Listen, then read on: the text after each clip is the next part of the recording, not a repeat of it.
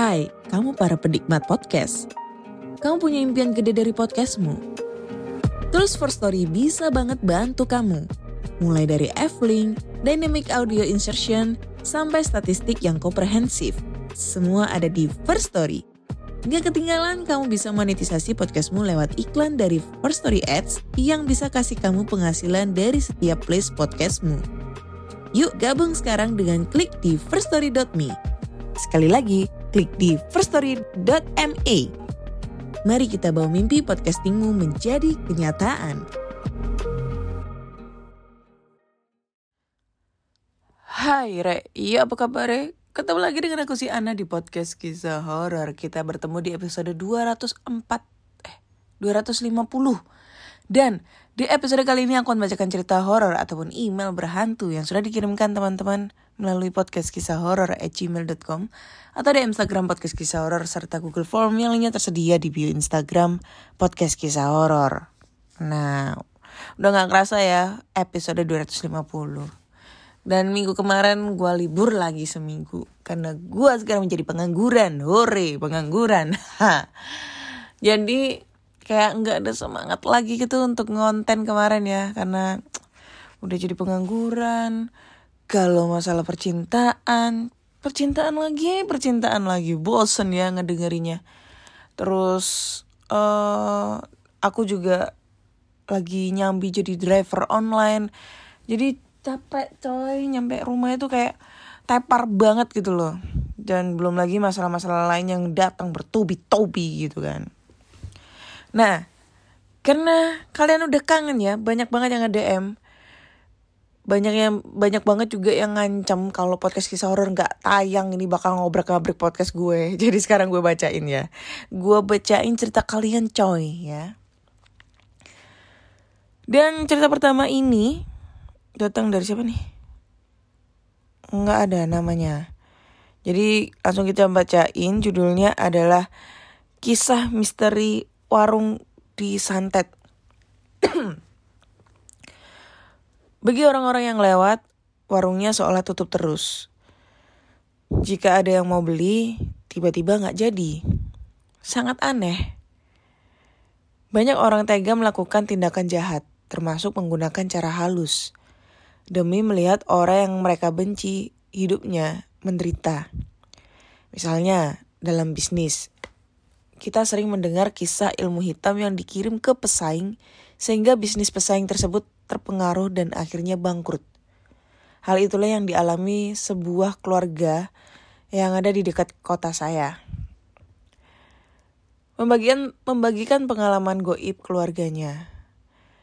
Warung mereka yang didirikan ibunya mendapatkan kiriman ilmu hitam dari orang yang dengki dengan bisnis keluarganya itu.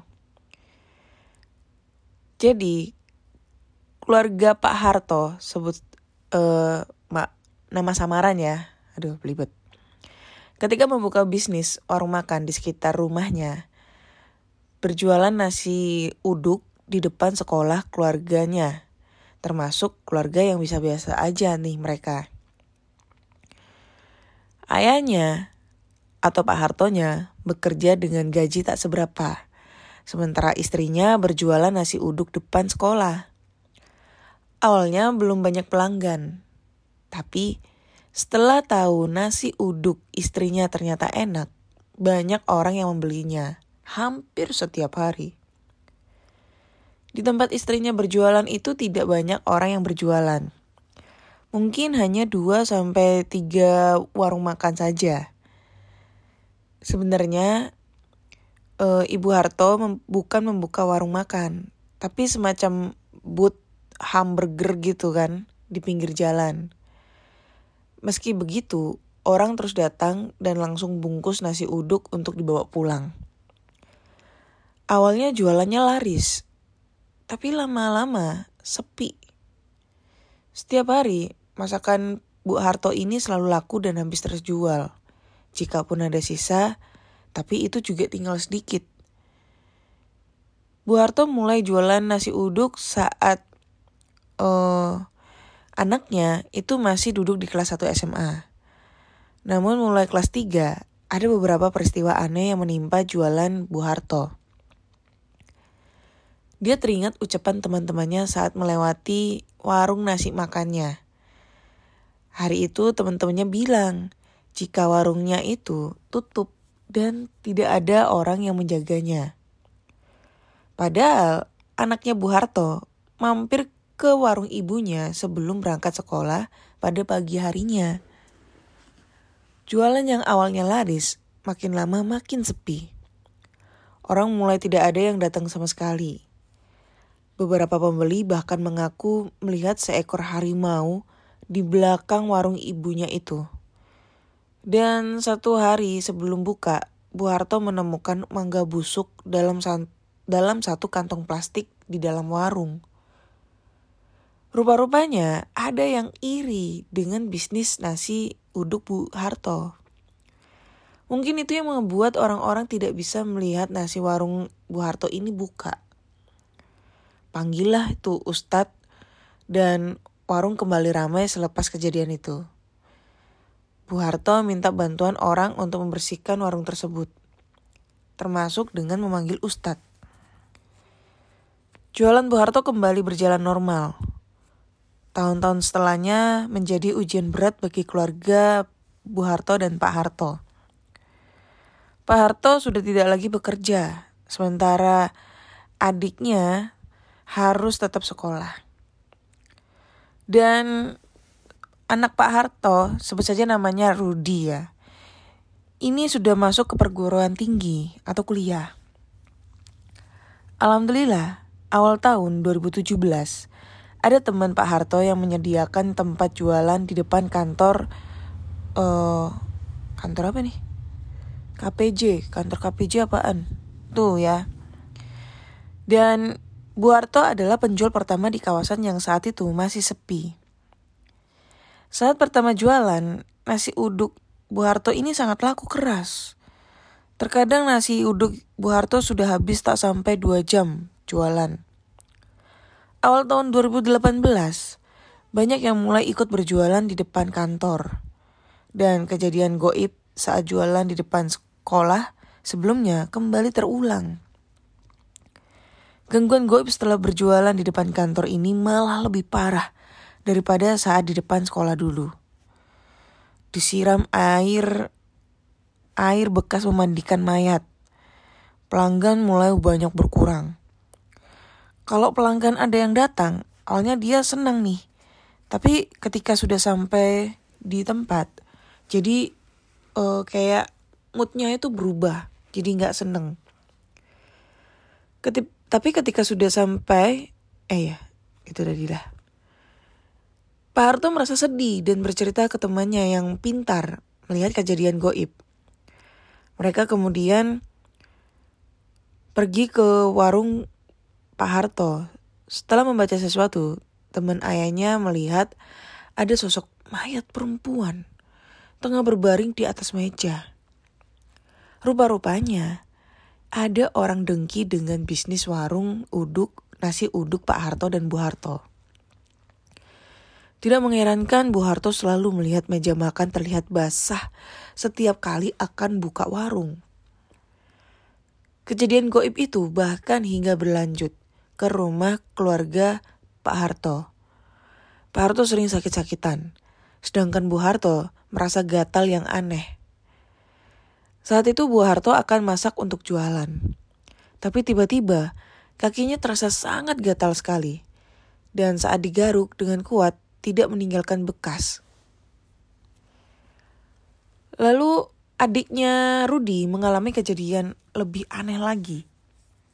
Dia melihat sosok perempuan berbaju putih, berlumuran lumpur, berdiri dekat pintu dapur. Sosok wanita itu mungkin yang pernah tertawa menyeramkan saat adiknya Rudi dan ibunya ini masak di dapur sekitar jam 4 pagi. Menimbang hal-hal tak masuk akal dan menyeramkan itulah, Pak Harto dan Bu Harto memutuskan untuk berhenti berjualan. Mereka berhenti berjualan karena sudah merasa capek dengan gangguan makhluk halus. Jadi pesan moral dari kisah ini adalah jangan iri dengki dengan keberhasilan orang. Allah sudah membagikan rezeki kepada masing-masing ciptaannya, sesuai dengan sangat adil. Jika ada orang berbuat buruk pada kita, berusahalah untuk bersabar. Jangan pernah membalas karena itu adalah keinginan keinginan dari setan. Oke. Oke, oke, oke, oke. Ini ceritanya udah selesai. Serem ya. Serem banget. Hmm. Ini ngingetin pada kisah tetangga gue juga ya. Jadi gue sedikit cerita juga. Jadi tetangga gue itu belakang rumah. Pas itu dia ada jualan rujak gitu kan. Rujak cingur. Nah di belakang rumah sisi timur. Jadi eh, eh kok timur utara. Sedangkan uh, tetanggaku tuh kan berjualan di sisi barat gitu kan. Nah, belakang rumah sisi utara itu ada orang jualan juga, rujak cingur. Cuma jualannya itu emang lebih lama yang di sisi utara dibandingkan tetanggaku yang belakang rumah sisi barat gitu kan. Nah, karena nggak tahu ya kenapa ya. Uh, tetanggaku yang ini, yang sisi barat itu, yang baru buka itu, itu laris tuh pengunjungnya karena karena aku juga udah survei ya uh, rujaknya itu lebih enak yang tetanggaku belakang rumah sisi barat dibandingkan sisi utara gitu kan. Sampai pada akhirnya itu uh, pelanggannya yang yang sisi utara itu pada pindah ke sisi barat. Nah, suaminya ini kebetulan jualan tahu tek. Tahu tek itu apa ya? Tahu lontong gitu loh, tahu petis gitu. Kalau di Surabaya bilangnya tahu tek. Laris juga itu tahu teknya. Nah itu kayak ngerasa iri, kayak apa ya? Kayak itu tadi iri dengki kayak gitu-gitu. Padahal ya kerjaannya si suaminya ini yang jualan rujak uh, di tetangga gue yang sisi utara. Itu marbot masjid. Tuh. Marbot musola deng. Musola. Rumah gue nggak ada masjid musola. Gitu. Sampai pada akhirnya tetangga aku yang musisi belakang itu dia tuh suka ngeluh gak ada pelanggan tiba-tiba tuh gak ada pelanggan. Terus kalau misalnya dia udah buka gitu ya kan bukanya agak siang tuh jam jam 10 gitu jam 11 nah itu kalau udah mendekati jam 12 siang jam 12 lewat pokoknya jam 12 sampai jam 1 itu depan rumahnya itu kayak bau busuk gitu loh. Bukan bau apa ya bau kayak bangkai tikus. Padahal tuh kalau dicari-cari gak ada bangkai tikusnya dan itu hampir setiap hari tuh bawanya kecium. Pokoknya di antara jam segitu. Karena emang rame-ramenya tuh di jam segitu kan. Itu. Nah itu berjalan sekitar dua mingguan. Karena penurunan e, dagangannya tuh sangat drastis kan. Bingung stres dan lain-lain. Akhirnya ya itu tadi sama dengan yang namanya Bu Harto ya. Dan Pak Harto dia tuh cari solusi dengan caranya Ustadz dan punya usut punya usut uh, apa namanya ada salah satu orang yang iri dengan usahanya dia. Cuma si ustadz ini nggak mau menyebutkan ciri ciri-cirinya dan nggak mau uh, ya intinya nggak mau nyebutin ciri-ciri karena nggak pengen suuzon gitu kan. Nah kata si ustadz kalau pengen pembuktian pengen pembuktian dan pengen mergokin sendiri disuruh untuk standby di depan bukan di depan rumah ya di dalam rumah cuma ngintip di jendela gitu dengan lampu dimatiin. Itu sekitar jam 12 malam di malam Jumat gitu kan. Dan benar pada saat tetanggaku ini standby di di rumah ya di ruang tamu dengan lampu sedikit dimatikan terus dia ngebuka sedikit gorden jendelanya itu dia ngelihat tetangga si suaminya ini ya, si suami tetanggaku yang sisi utara itu naburin pasir di depan rumahnya gitu kan. Naburin pasir tanah atau apa gitu di depan rumahnya pakai motor terus dia pergi gitu kan. Pas dicek ternyata tanahnya itu tanah kuburan. Masih kayak masih baru gitu tanah kuburannya merah-merah gitu. Karena di pada saat dia mau mergokin orangnya sudah keburu kabur akhirnya dia nunggu tuh kesempatan di minggu berikutnya. Dan pas di minggu berikutnya itu dia mergokin si uh, suami dari tetanggaku yang sisi utara. Setelah dipergokin dia mungkin kabur atau apa. Terus besok paginya itu cekcok karena si anak dari tetanggaku sisi barat itu nggak terima cekcok mulut akhirnya udah. Udah Gak berselang lama, sat, uh, satu bulan atau dua bulan istri dari si tetanggaku yang sisi barat eh sisi utara itu meninggal. Yang naburin itu loh naburin tanah kuburan itu meninggal coy. Dan meninggalnya tuh nggak ada yang tahu. Maksudnya nggak ada yang tahu sakit apa. Pokoknya tiba, meninggal tiba-tiba gitu loh mendadak gitu loh. Nah itu juga sempet rame tuh katanya tetanggaku yang ini yang sisi barat itu nuduh dituduh uh, kayak nyantat atau guna-guna si tetanggaku yang sisi utara itu sehingga dia meninggal kan. Padahal nggak ada terbukti kayak gitu. Dan nusut punya nusut kenapa kok orangnya bisa meninggal? Karena kan aksinya ini kan ketahuan. Nah kalau aksinya ketahuan itu berakibat salah satu dari yang si peminta peminta untuk santet itu itu bakal ngalamin celaka dan bisa mengakibatkan meninggal. Kayak gitu guys.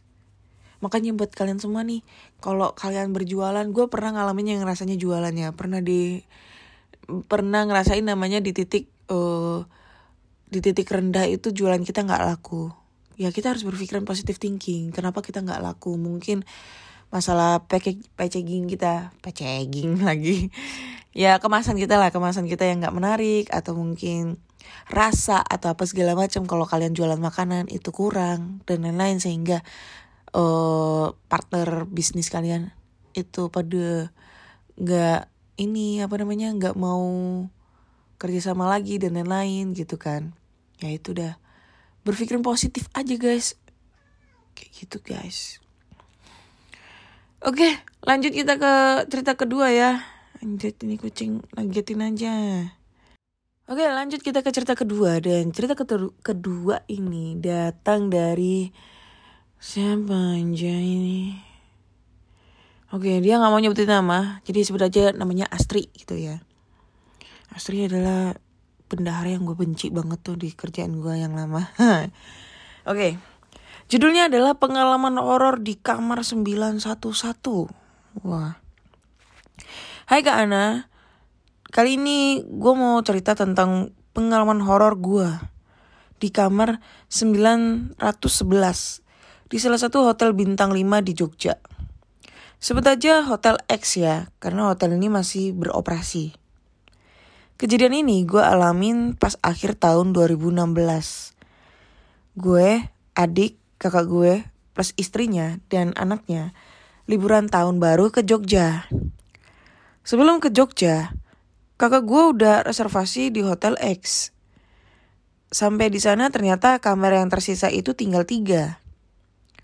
Gue nggak tahu nomor kamarnya berapa aja. Tahu-tahu aja gue sama adik gue itu dikasih kunci nomor kamar nomor 911.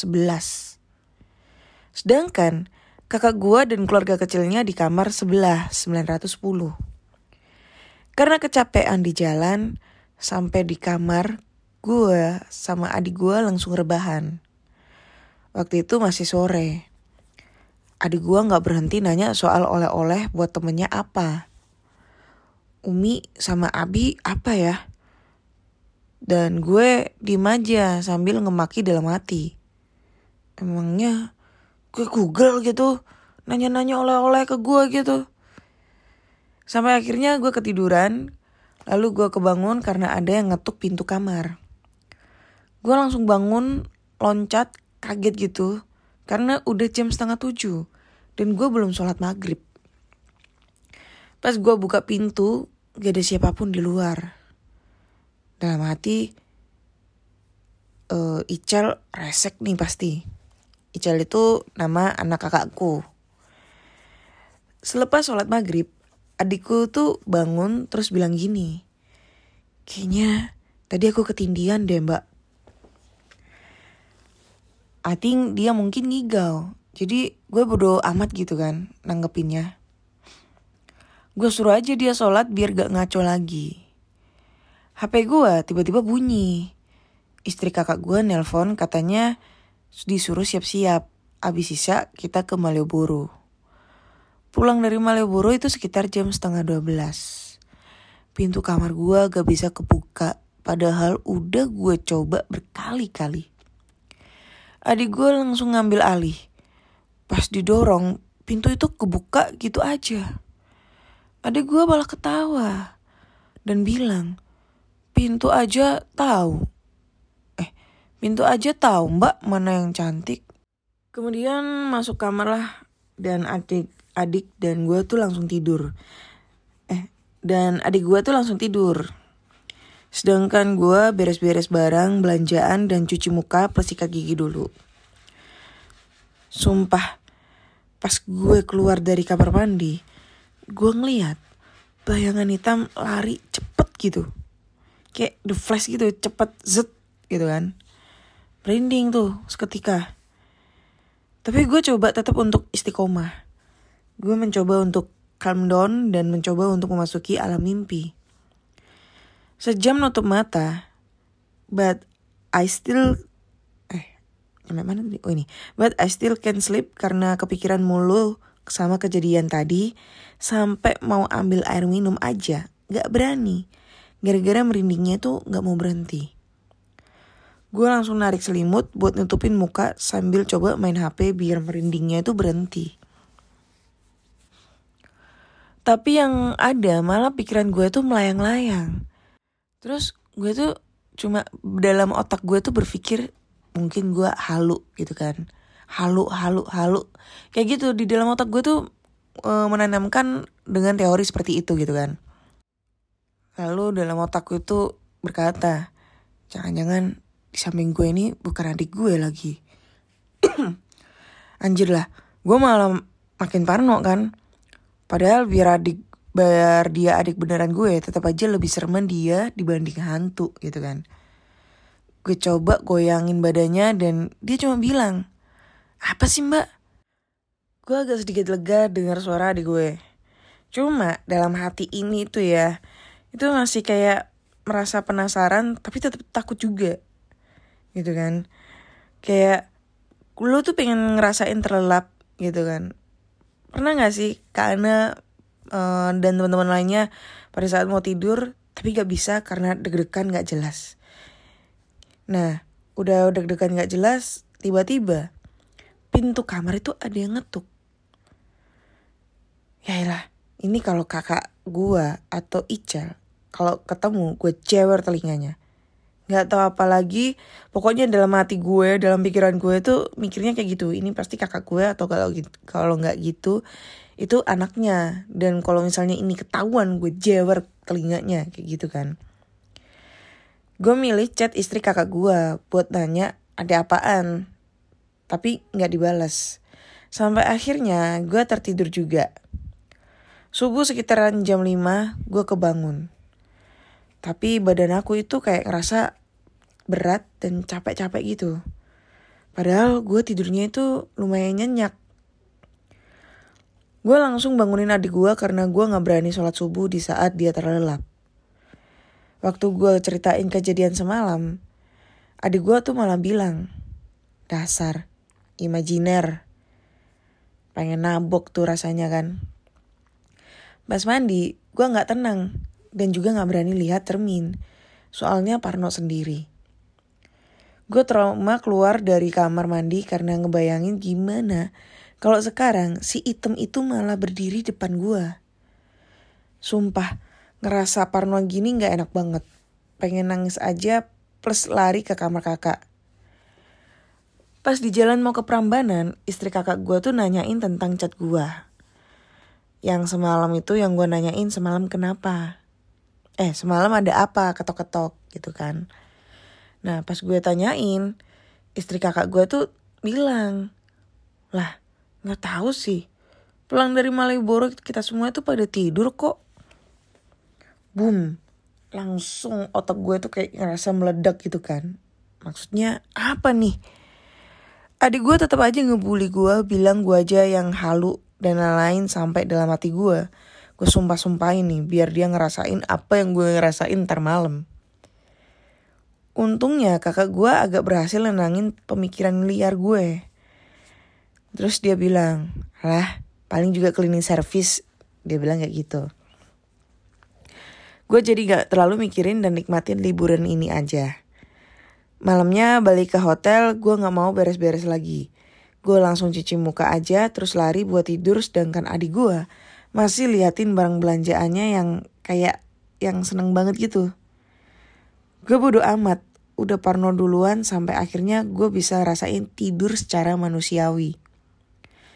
Tapi belum sempat uh, tidur secara nyenyak 100%. Adik gue malah ngancurin malam mimpi gue nih. Mbak, mbak, bangun. Gue yang masih seperdua sadar lihat muka adik gue itu panik gitu.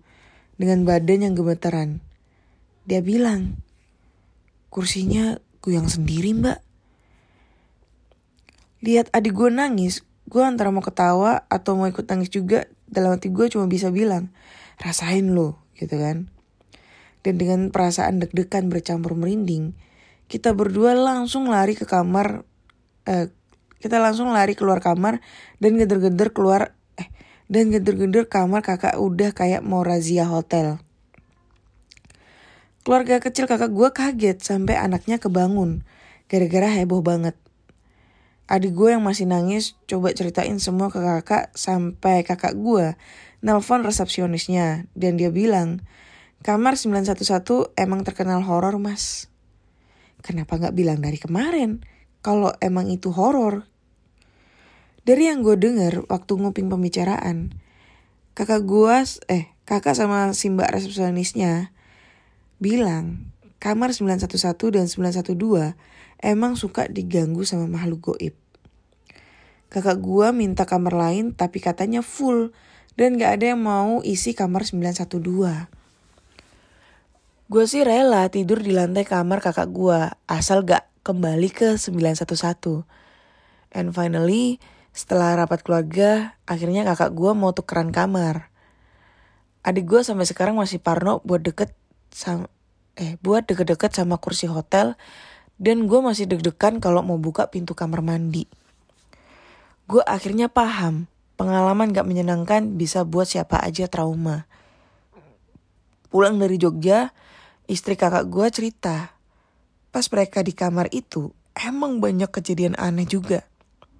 Tapi hebatnya mereka gak parnoan kayak kita. Mereka kayak bodoh amat gitu dan dengan songongnya kakak gue hanya bilang, gue lebih takut Tuhan. Daripada kun eh dari dapat kunci seharusnya mereka dapat apa sih? Uh, dari dapat kunci seharusnya mereka di 911 aja ya. Kan biar Anjing nih semua yang ngirim cerita. Mumet gue. Oke oke skip skip skip. Oke.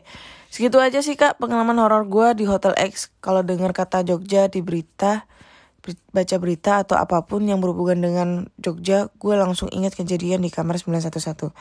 Thank you kak buat udah ngebacain cerita gue. Sorry kalau misalnya uh, cerita gue abstrak, kata-katanya belibet dan lain-lain. Iya, -lain. Emang belibet kata-kata lu. Gue pusing ngebacainnya. Dari sekian ratus gue tidak mendapatkan atau gue tidak menemukan cerita yang kata-katanya belibet gitu ya. Pusing gue ngebacainnya. Ini gue ngedapetin lagi. Dan asal kalian tahu buat teman-teman semua. Gue ini ngebacainnya secara insting gue gitu kan. Gue cari-cari kata sendiri gitu supaya gak belibet. Tapi endingnya belibet.